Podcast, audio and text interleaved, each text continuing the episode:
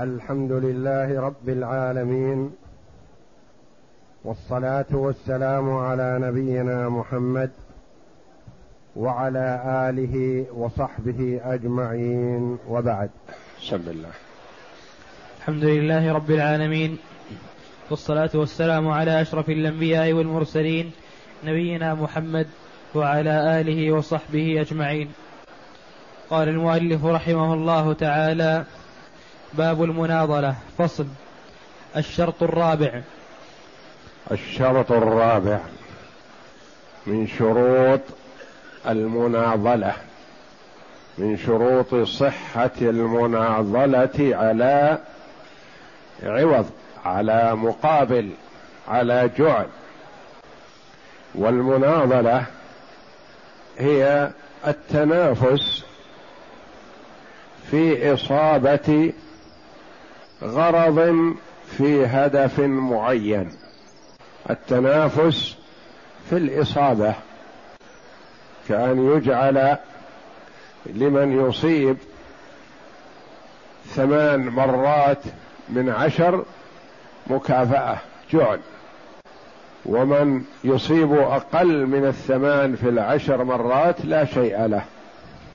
والمناضلة في الفقه الإسلامي لأن فيها إعانة على الجهاد في سبيل الله فتعلم الرماية يؤجر عليه المرء لأنه يحتاجه المجاهد في سبيل الله. إذا صوب نحو العدو ما يخطئ إذا كان متعلم. وإذا لم يكن متعلما أخذ هو وقتل هو ولم يصب. وتقدم لنا أن المناضلة على جعل يشترط لها ثمانية شروط. أما إذا كانت المناضلة على غير جعل فلا بأس بها على أي حال. كما تقدم بأن التنافس على أي شيء ما يعين المرء في بدنه أو في دينه أو على تعلم علم أو على جهاد في سبيل الله جائز. إلا أن الجعل له شروط. ما يجوز أن يجعل في كل تنافس وتسابق جعل. لقوله صلى الله عليه وسلم لا سبق إلا في نصل أو خف أو حافر.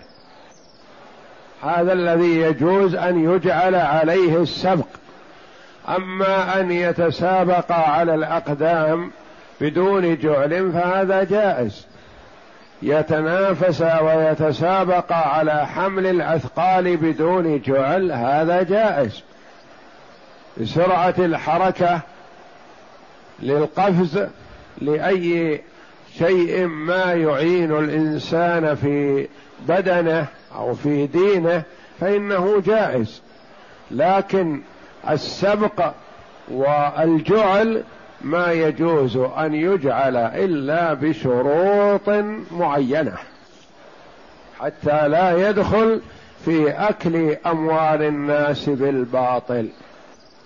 ولا يدخل في الغرر والجهالة وأخذ الأموال بغير حق.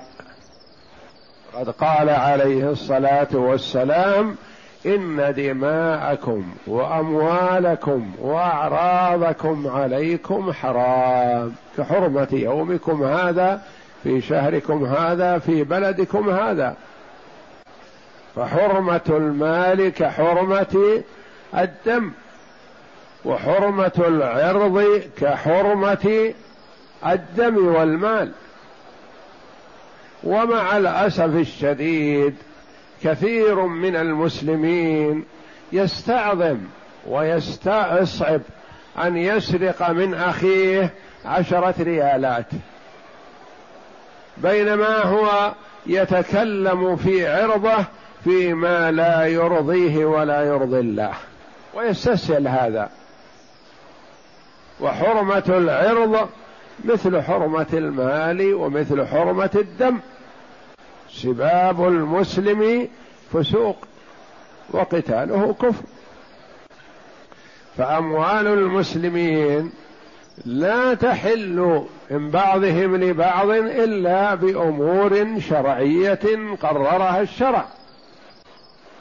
ما هذه الشروط؟ تقدم منها ثلاثة. شروط صحة الجعل في المناضلة يعني المناضلة بدون جعل لا بأس بها على أي حال ولا يشترط لها شروط لأنها تمرين ولا يدخل فيها مال. لكن على جعل لا بد أن تشتمل المناضلة التي هي المرامات على ثمانية شروط. تقدم منها ثلاثة وستأتي البقية إن شاء الله. فالثلاثة أولا تعيين الرماة. لابد أن يعين المتراميان. ما يقال مثلا اثنين من هذا الفريق واثنين من هذا الفريق. لابد يعرف من هم الاثنان. الثاني تعيين الآلة التي يرمى بها.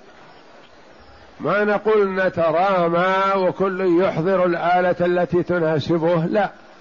لأن بعض الآلات تختلف عن بعض.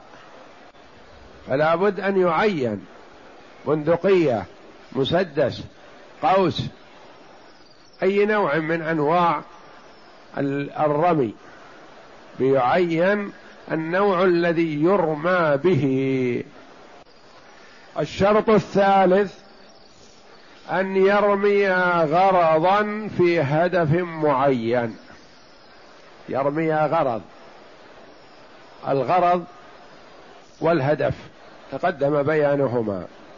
الهدف هو الشيء الكبير الذي يكون فيه الغرض. والغرض هو الشيء الذي يراد إصابته. فمثلا الهدف الجبل الهدف خشبة مرفوعة الهدف كثبان من الرمل كثيب مرتفع من الرمل هذا يسمى هدف.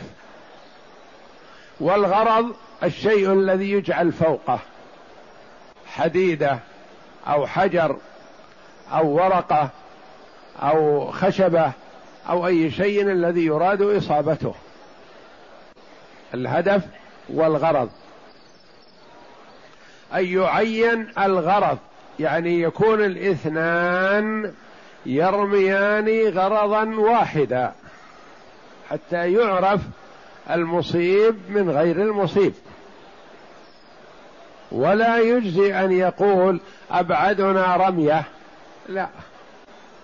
لأن البعد فائدته قليلة بالنسبة للإصابة لأن الغرض الإصابة وليس الغرض البعد. فقد يكون أحدهم مثلا يرمي بعيد مسافة ثلاثة كيلو بينما الآخر ما يرمي إلا كيلو واحد أو أقل. بينما صاحب الكيلو هذا يصيب النقطة المحددة والآخر لا يصيب شيئا. فالغرض الإصابة أن يرمي غرضا معينا. هذه الثلاثة تعيين الرماة تعيين القسي تعيين الغرض أن يرمي غرضا معينا. الرابع هذا الرابع من الشروط وعرفنا أن هذه الشروط تشترط إذا كان هناك جعل. أما إذا كان مجرد تنافس وتسابق فلا بأس. بأي على أي طريقة ما دام أنه يحصل فيها التنافس وليس فيها جعل فلا بأس بهذا. نعم. الشرط الرابع. الشرط الرابع أن يكون قدر الغرض معلوما طوله وعرضه وانخفاضه وارتفاعه. لأن الإصابة تختلف باختلافه فوجب علمه كتعيين النوع. الشرط الرابع أن يكون الغرض معلوما قلنا الثالث أن يكون هناك غرض. أن يكون هناك غرض. الشرط الرابع أن يكون الغرض معلوما يعني الشيء الذي يرمى. ما يتفقان على بدون تعيين غرض فيختلفا فيما بعد. فيقول أحدهما نريد كبير والآخر يقول لا نريده نقطة صغيرة. فيتفقان على تعيين الغرض الذي يراد إصابته. معلوما طوله وعرضه وانخفاضه وارتفاعه حتى لا يكون في جهالة. يعني عرضه طوله عشرة سنتي عشرين سنتي عند خمسة سنتي عرضه اثنين سنتي ثلاثة سنتي وهكذا. وارتفاعه فوق وانخفاضه أسفل لأن الإصابة تختلف باختلافه. فمن الناس من يصيب لكن يريد غرض كبير حتى يراه. ومن الناس من يصيب ولو أن الغرض صغير. فلا بد أن يتفقا على الغرض قبل البدء في المناضلة. فوجب علمه كتعيين النوع يعني نوع القسي ونوع الغرض وهكذا. لابد يكون معلوم. نعم. فإن أطلق العقد حمل على إصابة أي موضع كان من الغرض من أطرافه وعراه وغيرها. وإن أصاب علاقته لم يحسب له لأن العلاقة ما, ما لأن العلاقة ما تعلق به والغرض هو المعلق. فإن أطلق العقد قالوا نترامى نرمي ونتسابق وذكر الغرض ولم يحدد النقطة فيه فأي إصابة في هذا الغرض تعتبر إصابة لأن الغرض قد يكون مثلا لوح. عشرين سنتي في عشرين سنتي مثلا. وقد يحدد نقطة في وسط هذا اللوح. فإذا أطلق بدون تحديد لنقطة معينة فأي إصابة في هذا الغرض مثلا يحصل بها سواء أصابه في وسطه أو يمينه أو شماله أو أعلاه أو أسفله. كله تعتبر إصابة ما دام أصاب هذا الغرض. من أطرافه وعراه وغيرها قد يكون له عرى مثلا له برواز له كذا مثلا. أي إصابة فيه تصح. بخلاف إصابة العلاقة. الغرض قد يكون معلق مثلا في السقف. وعلاقته من السقف إليه. والغرض إصابة القصد إصابة الغرض. فما أصاب الغرض هذا؟ أصاب العلاقة فوق بعشرة سنتي من الغرض. تعتبر إصابة؟ لا. قطع العلاقة مثلا بإصابته. أصابها فقطعها. تعتبر إصابة؟ لا ما تعتبر إصابة لأنه ما أصاب الغرض وإنما ارتفع. وإن أصاب علاقته لم يحسب له لأن العلاقة ما تعلق به والغرض هو المعلق. لم تحتسب له يعني ما تحتسب له إصابة. لأن كما تقدم قد يقال مثلا أينا يصيب له كذا. وقد يقول مثلا أينا يصيب ثمان إصابات في من عشر رميات. مثلا. فواحدة تحتسب وواحدة ما تحتسب. مثلا إذا أصاب ثمان من عشر أخذ السبق وإن أصاب سبع من عشر ما يأخذ شيء. وإن شرط إصابة موضع من الغرض كالدارة في وسطه أو الخاتم الذي في الدارة لم يحتسب بإصابة غيره. وإن شرط موضع إصابة موضع من الغرض فهو المقصود. الغرض كما تقدم قلنا مثلا ممكن يكون عشرين سنتي في عشرين سنتي. فإذا بهم في داخل الغرض هذا يجعلون دائرة. فإذا في وسط الدائرة نقطة حمراء أو بيضاء أو صفراء يقول الذي يصيب النقطة هذه هو المصيب. إذا أصاب الدائرة ما يعتبر مصيب حتى يصيب النقطة. وإذا قالوا إذا أصاب الغرض خلاص لو ضرب اللوح من أي جهة من جهاته يعتبر مصيب. لكن إذا نق حددوا خاتم أو دائرة أو نقطة لا بد من إصابتها حتى يكون مصيب وإلا فلا إصابة حينئذ. ويستحب أن يصف الإصابة فيقول خواصل وهو اسم للإصابة كيفما كانت أو خوازق وهو ما ثقب ما ثقب الغرض أو خواسق وهو ما ثقبه وثبت فيه أو موارق وهو ما ثقبه ونفذ منه أو خوارم وهو ما قطع طرفه. هذه أوصاف للإصابة أوصاف الإصابة. يقولون يقول يعني ما يقولون. إن قالوا أي إصابة مشى فصلح. لكن يحسن أن يحددوا نوع الإصابة. لأن الإصابة قد يضربه فقط. وقد يضربه ويهشمه. وقد يضربه ويهشمه ويثبت فيه.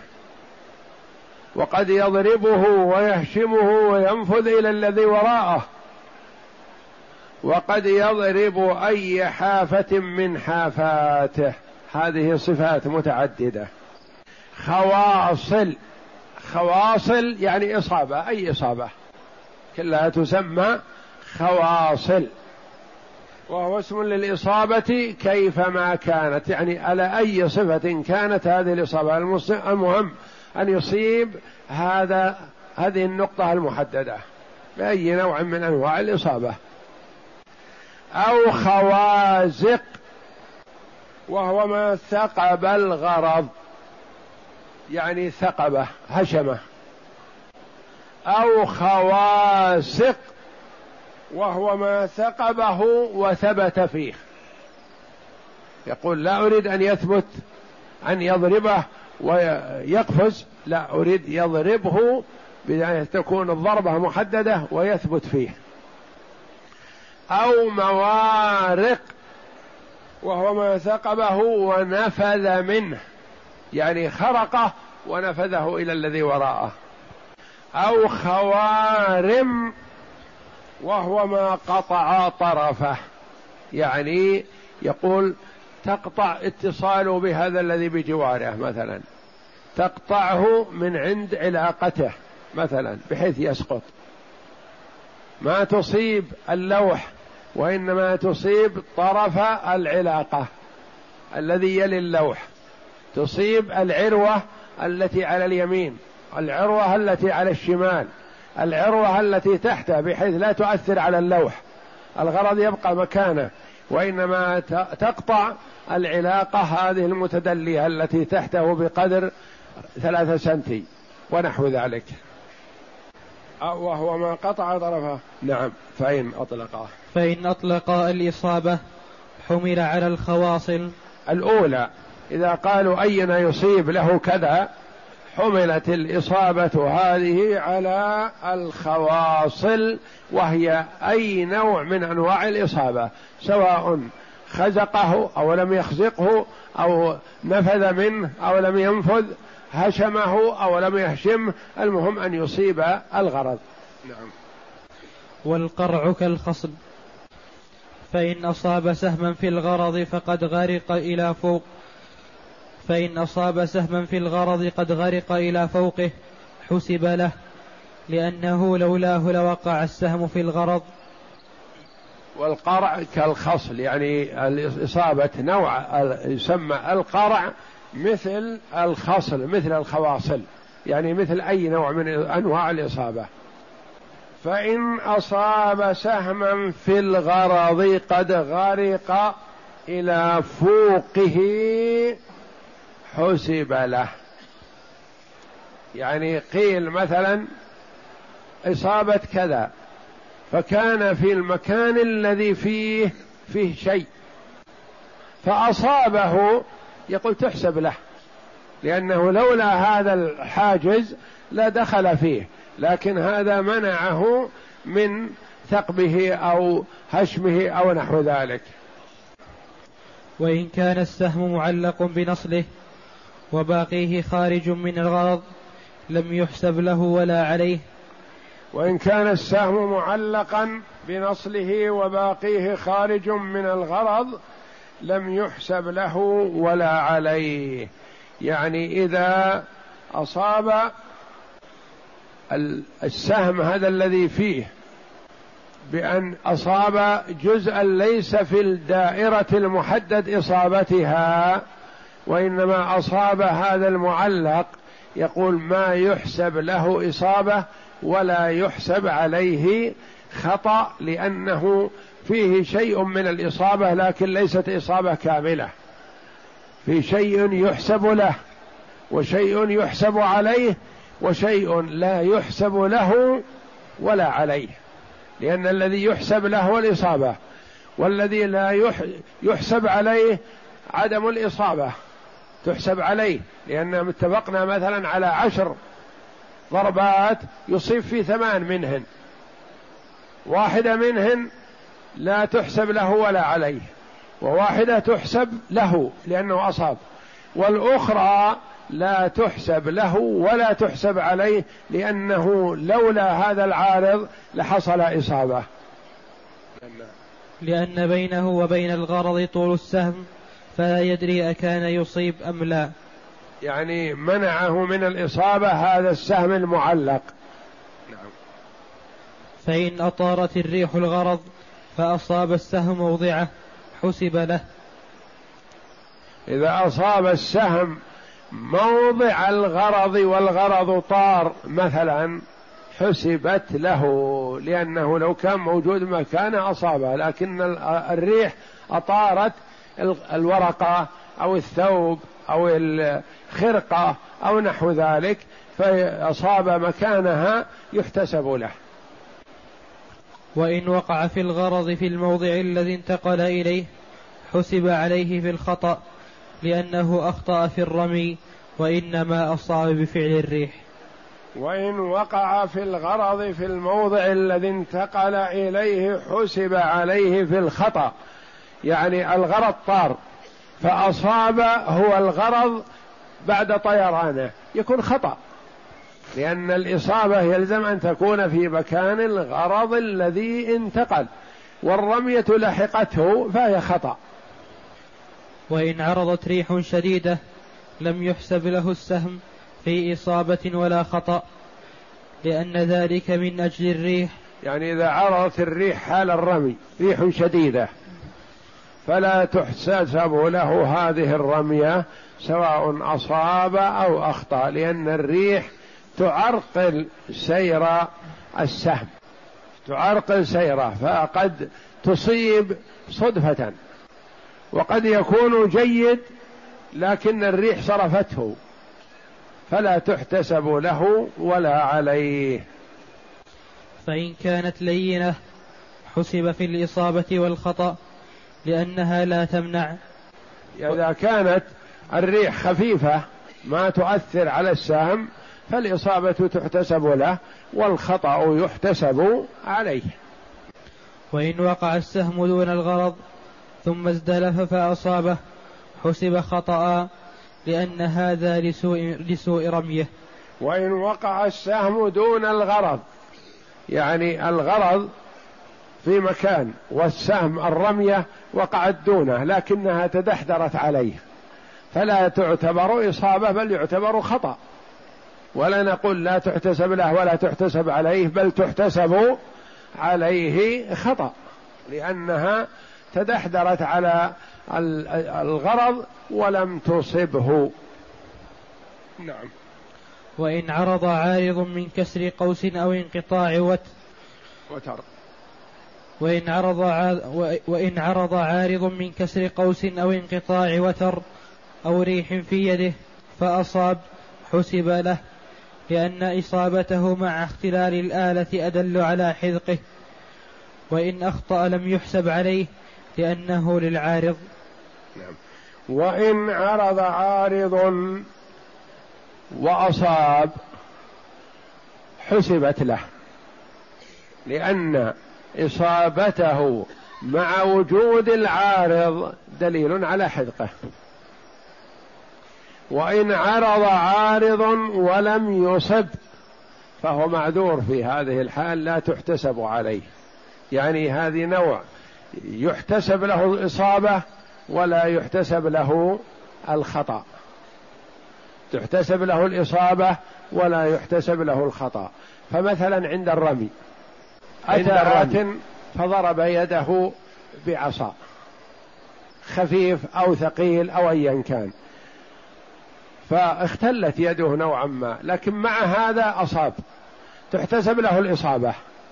لأنه أصاب مع الاختلال دليل على حذقه. لكن إذا عند إطلاق البندقية عند إطلاق الرصاصة أتى آت فضرب يده. مثلا. فأخطأ. هل نحتسبها عليه؟ نقول ولا أصاب. نحتسبها عليه؟ لا. ولا نحتسبها له لأنه ما أصاب وربما يكون عدم الإصابة نتيجة ضرب يده هذا الذي حصل أو انقطاع الحبل الذي يرمي به أو نحو ذلك. ففي هذه الحال إذا أصاب حتسبت له. وإذا لم يصب فلا تحتسب له لوجود هذا العارض الذي حصل فيه الخلل. نعم. وقال القاضي لا قال القاضي أبو يعلى. نعم. وقال القاضي لا يحسب له لأنه لا يحسب عليه في الخطأ فلا يحسب له في الإصابة. يقول رحمه الله ما دمتم لا تحسبون عليه الخطأ فأنا كذلك لا أحسب عليه الإصابة. نقول لا بل تحتسب له الإصابة لأنه أصاب مع وجود الخلل فهذا دليل على حلقه وأبو يعلى يقول ما دمتم لا تحسبون له عليه الخطأ فلا يسوق أن تحتسبوا له الإصابة. بل لا تحسبوا لا هذا ولا هذا. نعم. كما في الريح الشديدة. وإن انكسر السهم فوق دون فوقع دون, الع... دون الغرض لم يحسب عليه لأنه لعارض. لأنه لعارض. يعني وإن انكسر السهم فوقع دون الغرض السهم الذي أطلق. انكسر في الهواء ووقع. ما أصاب؟ فهذا يقول لا تحتسب له ولا يحسب عليه لأن هذا لعارض الانكسار. ما هو لضعف رمية وإنما لوجود هذا الكسر الذي حصل. نعم. وإن أصاب بنصله حسب له لما ذكرناه. وإن أصاب بنصله يعني ما أصاب بالسهم بالثق بالمدبب وإنما أصاب بجسم السهم الذي أرسله فيحتسب له لأنه أصاب الغرض المطلوب. نعم. وإن أصاب بغيره لم يحسب له. إن أصاب بغيره يعني بشيء خارج عن السهم الذي أرسله فلا يحتسب له. نعم. وإن أغرق الرامي في النزع حتى خرج السهم من الجانب الآخر واحتسب له وعليه لأنه لسوء رميه أخطأ ولحذقه أصاب. وإن أغرق الرامي يعني شدد في الضربة كانت قوية فخزق وخرج. يقول تحتسب له إذا أصاب ولا تحتسب وتحتسب عليه إذا أخطأ. احتسب له وعليه احتسب له في الإصابة واحتسب عليه في الخطأ. نعم. ولأن ما حسب عليه في الخطأ حسب له في الإصابة كغيره. نعم كل شيء حسب له في الإصابة يحتسب عليه في الخطأ إلا ما استثني. وكل ما حسب عليه في الخطأ فإنه إذا أصاب يحتسب له في الإصابة. نعم. وإن مرت بهيمة بين يديه وتشوش رميه لم يحسب عليه في الخطأ لأنه لذلك العارض. وإن خرقه وأصاب حسب له لأن هذه لقوة نزعه وسداد رميه. يقول إذا عرضت بهيمة مرت بهيمة حال انطلاق السهم. فإن سقط السهم فلا يحتسب له ولا عليه. لأن وجود العارض وجود البهيمة هذه منعت وصول السهم إلى الغرض. فإن نفذ مع البهيمة خرق البهيمة وأصاب الغرض حسبت له. يقول لأن هذا لقوة رميه وإصابته. يعني حتى مع مرور البهيمة لم تصرف سهمه عن إصابة الغرض. خرق البهيمة ونفذ إلى السهم فإنها تحتسب له. نعم. وإن شرط الخسق فأصاب الغرض وثبت فيه حسب له. فإن سقط بعد لم يؤثر كما لو نزعه إنسان. وإن شرطا الخسق شرطا أنه يصيبه. يعني تقدم لنا الخواسق هو ما ثقبه وثبت فيه. فأصاب الغرض وثبت فيه يعني علق به. حسب له. فإن سقط بعد هذا لأنه اشترط أنه يثبت فيه. لكنه أصابه وثبت فيه لكن سقط. مع حركة أو الريح أو نحو ذلك سقط. فإن هذا يعتبر إصابة لأنه خسقه وسقط مثل يقول ما لو نزعه إنسان فيعتبر إصابة. نعم. وإن ثقب ولم يثبت ففيه وجهان أحدهما لا يحسب له لأن الخاسق ما ثبت ولم يوجد. والثاني, والثاني يحسب له لأنه ثقب ما يصلح له فالظاهر أنه لم يثبت لعارض من سعة الثقب أو غل أو غلظ أو نعم. غلظ لقيه. وإن ثقب ولم يثبت ففيه وجهان. يعني اشترطوا أنه يثبت. قالوا نريده خسق والخسق هو الذي يثبت فيه لكنه ضربه وخزقه ولم يثبت فيه. قال تحتسب له. الرواية الثانية قال لا تحتسب لأنه ما ثبت. يعني إحداهما يقول لا يحتسب له لأن الشرط أن يثبت. والثانية تقول يجوز يحتسب له لأنه حصل الخزق. لكن ما حصل الثبوت إما لسعة رمية أو أو كون الرمية مثلا وسعت الخرق وشققته فما ثبت فيه السهم ونحو ذلك نعم. وإن مرق منه حسب له لأنه لقوة رميه وإن خدشه ولم يثبت فيه لمانع من حجر أو غلظ, أو غلظ الأرض فعلى الوجهين لكن إذا إن لم يحسب له لم يحسب عليه. وإن مرق منه يعني ثقبه و وفات ونفذ وأبعد عنه. حسب له لأنه لقوة رميه ما ثبت في الضربة وإنما نفذ وإن خدشه ولم يثبت فيه لمانع من حجر أو غلظ الأرض فعلى الوجهين السابقين هل يحسب أو لا؟ يعني اشترطوا أنه يثبت فيه فضربه ولم يثبت فينظر. إن كان الجسم الغرض هذا عادي فلا تعتبر إصابة حينئذ. وإن كان الجسم فيه مانع فيه حصاد فيه غلط بالخشبة متانة تختلف عن بقية الخشبة فهذا عدم الخزق وعدم الثبوت لهذا المانع فتحتسب له إصابة. نعم. لأن العارض منعه وإن لم يكن مانع حسب عليه. إن لم يحصل مانع حسب عليه خطأ وإن حصل مانع من حجر أو غلظ مكان أو نحو ذلك فإنها تحتسب له إصابة. والله أعلم وصلى الله وسلم وبارك على عبده ورسول نبينا محمد وعلى آله وصحبه أجمعين.